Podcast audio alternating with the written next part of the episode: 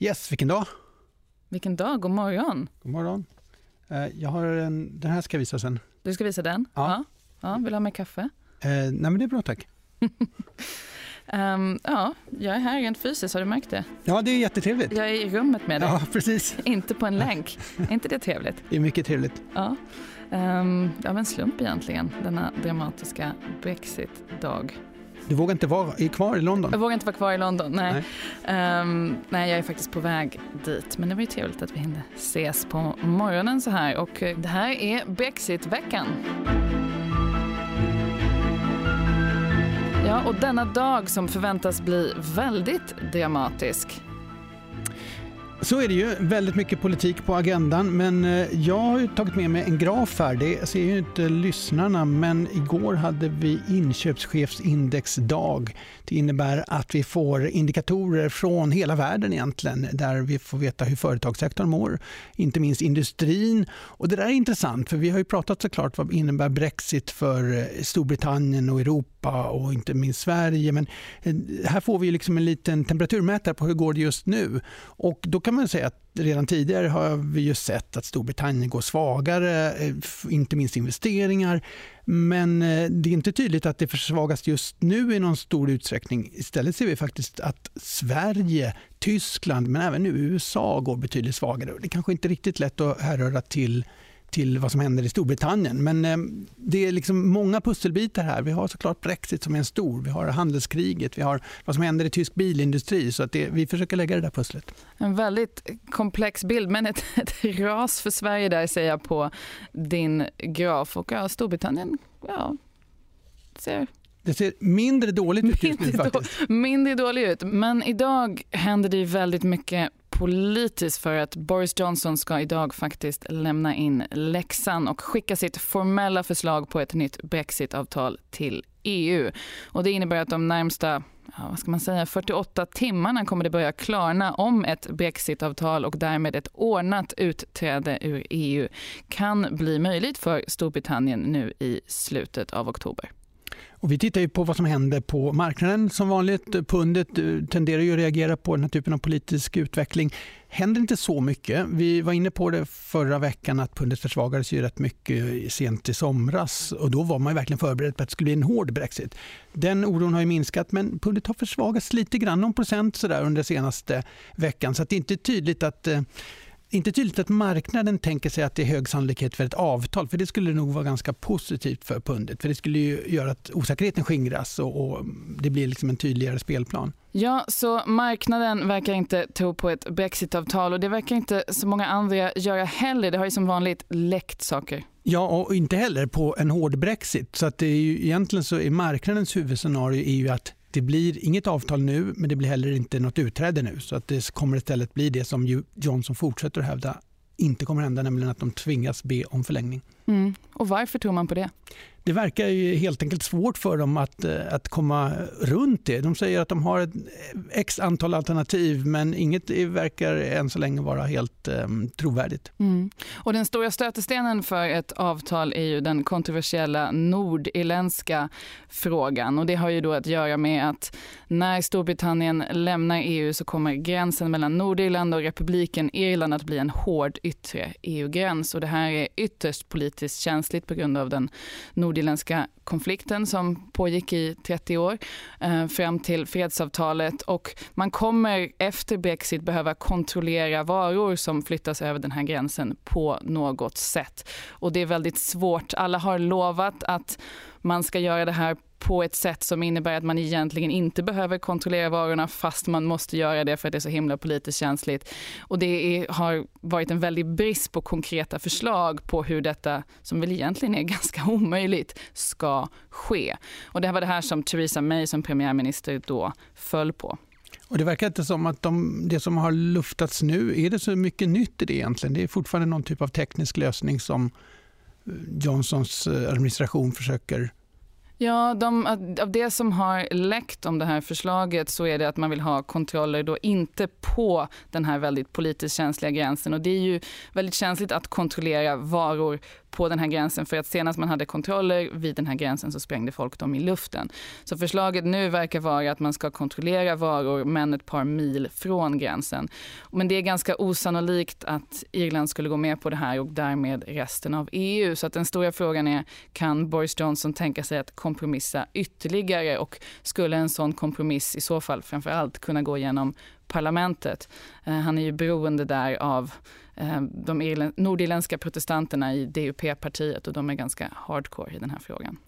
Men det är lite spännande i London för att jag märker att finansfolket som sitter och försöker begripa Brexit nu har blivit tvungna att plugga på om just Nordirlandkonflikten, denna konflikt som går tillbaka till 1600-talet. Och det kanske de inte hade förväntat sig. Nej, det är ett nytt inslag i, på marknaden får man säga. Ja, men jag har faktiskt eh, satt ihop ett litet test för finansfolk om eh, Nordirlandkonflikten. Jag tänkte prova det på dig. Oj. Ja, I dessa tider av när Skolverket plockar bort antiken ur undervisningen eller försöker, så eh, ja, är du beredd? Spännande, kör på. Vad hände 1921? Eh, då är väl, det är väl eh, själv, självständighet för Irland eller sånt där måste väl börja där någonstans. Bra Klas, precis. Det är då som Irland blir självständigt från Storbritannien men då Nordirland så att säga, man skär ut Nordirland från resten av, av Irland och det blir fortfarande en del av Storbritannien och det är det som katolikerna på Nordirland fortfarande är upprörda över. Ja, vad hände 1969 då? Är det blodiga söndagen? Ja, nära. Det var 1972. 1969 väldigt, väldigt stora upplopp på Nordirland som man brukar räkna som början på den moderna konflikten. Och sista frågan, det går bra för dig Claes. Vad hände 1998? Då är ju avtalet eh, Good Friday, Tony Blair, Precis. fredsavtalet. Det blir fred. Bra jobbat. Ja, det märks att du kan det här. Godkänt kanske? Godkänt, definitivt. Men från Nordirland, och det här kommer man ju få höra mycket om de närmsta dagarna, för det är så att säga knäckfrågan i om det blir ett, ett brexitavtal eller inte. Men denna vecka har vi också hört det första stora ekonomisk-politiska talet från Storbritanniens nya finansminister Sajid Javid och så här lät det då. Deal or no deal, we will be ready.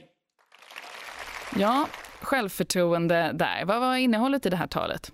Ja, det här är ju tydligt att man förbereder sig för val och då ska det bli mer expansiv politik och det är ju det man, man också signalerar här. Och sen är det väl i viss utsträckning också ett litet skydd mot Corbyns vänstersväng som det skulle bli om Corbyn vann, i alla fall som det verkar. Det råder ju inte bara osäkerhet kring Brexit i Storbritannien utan också ekonomiska politiken är ju väldigt eh, oklar just nu. Det finns ju å ena sidan Corbyn som ju sticker ut i Labour som ju vill gå väldigt långt åt vänster. Å andra sidan de som förespråkar att eh, Storbritannien ska bli ännu mer anglosaxiskt i sin ekonomiska politik. Och det här skapar ju ännu mer osäkerhet för näringsliv och hushåll. Ja, absolut. Det är två väldigt olika vägar för vilken ekonomisk politisk väg man ska välja efter Brexit. Liksom antingen gå mer mot att bygga någon slags europeisk socialdemokratisk modell som väl ändå är vad Corbyn någonstans föreslår ekonomiskt i alla fall. Ja. Um, eller de som vill att Storbritannien ska bli som Singapore eller som ett skatteparadis. Men där tycker jag väl ändå att Sajid Javid, den nya finansministern, ändå signalerar en slags vänstersväng i den ekonomiska politiken. Alltså skulle man kunna tolka det tror jag. Eh, för att det är väldigt stora investeringar och det är väldigt stora investeringar i infrastruktur och det tror jag har att göra med någon slags idé om att man ska, man ska genomföra Brexit och sen vill man ekonomiskt slå mot det man ser som orsakerna till Brexit som ju mycket är den här, de här stora klyftorna mellan stad och land i Storbritannien och infrastruktur och stora satsningar på det är ju ett klassiskt försök att bygga ihop ett land som är väldigt splittrat, vilket Storbritannien förstås är. Ja, vi ser ju också i Europa allt mer röster som vill att finanspolitiken ska spela en mer aktiv roll. Så det kommer ju också väl eh, in i det narrativet. Mm. Och det är väl ett väldigt tydligt uppbrott från tidigare konservativa premiärminister. Jag tänker främst då på, kanske på David Cameron som väldigt mycket stod för någon slags nedskärningspolitik och sunda ekonomiska finanser som Magdalena Andersson skulle säga. Jag håller med. Um, ja, men brexitförberedelserna för de stackars brittiska företagen fortsätter och det kom en ny rapport i veckan från Federation for Small Businesses som då visade att bara en femtedel av alla brittiska för småföretag har gjort förberedelser för brexit. Och det här är någonting som hela tiden sägs att det kommer bli värst för småföretagen. Varför då? Det handlar ju delvis om en resursfråga. De har inte muskler att förbereda sig på samma sätt som stora företag.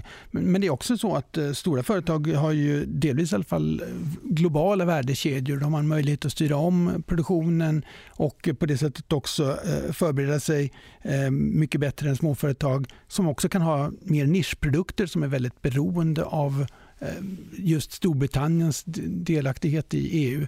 Så jag tror det finns flera faktorer här, men kanske resursfrågan det viktigaste, att det är svårt att eh, i en konkurrensutsatt marknad att lägga resurser på att bygga lager eller vad det må vara. Mm, ja absolut. Och sen också det här handelskaoset som man då förväntar sig någon nivå på efter en i så fall en hård brexit kommer väl slå hårdare mot de små företagen också för ett stort svenskt företag som till exempel exporterar timmer till Storbritannien. De har en båt fylld med svenskt timmer och då är det ett par papper som behövs extra efter Brexit för att så att säga få över den båten till Storbritannien medan mindre företag som kanske har ett antal lastpallar på ett fartyg med där väldigt många andra företag också har olika lastpallar, då förväntar man sig att det blir krångligare och därför svårare. Ja, eh, nej men eh, absolut, det är ju skalfördelar helt enkelt och det är också finansiellt så har ju stora företag treasuries, alltså e-, enheter som hanterar den finansiella, den finansiella osäkerheten som kan också vara lite svårare för mindre företag att hantera. Så det är flera faktorer tycker jag som talar just för att småföretagen kan få det kämpigt om vi skulle hamna i en hård brexit. Ja, tuffast för de små och eh, kanske även de medelstora företagen? Kan man tänka sig. Ja. Och hur många dagar är det nu kvar till Brexit? Då är det 29 dagar kvar.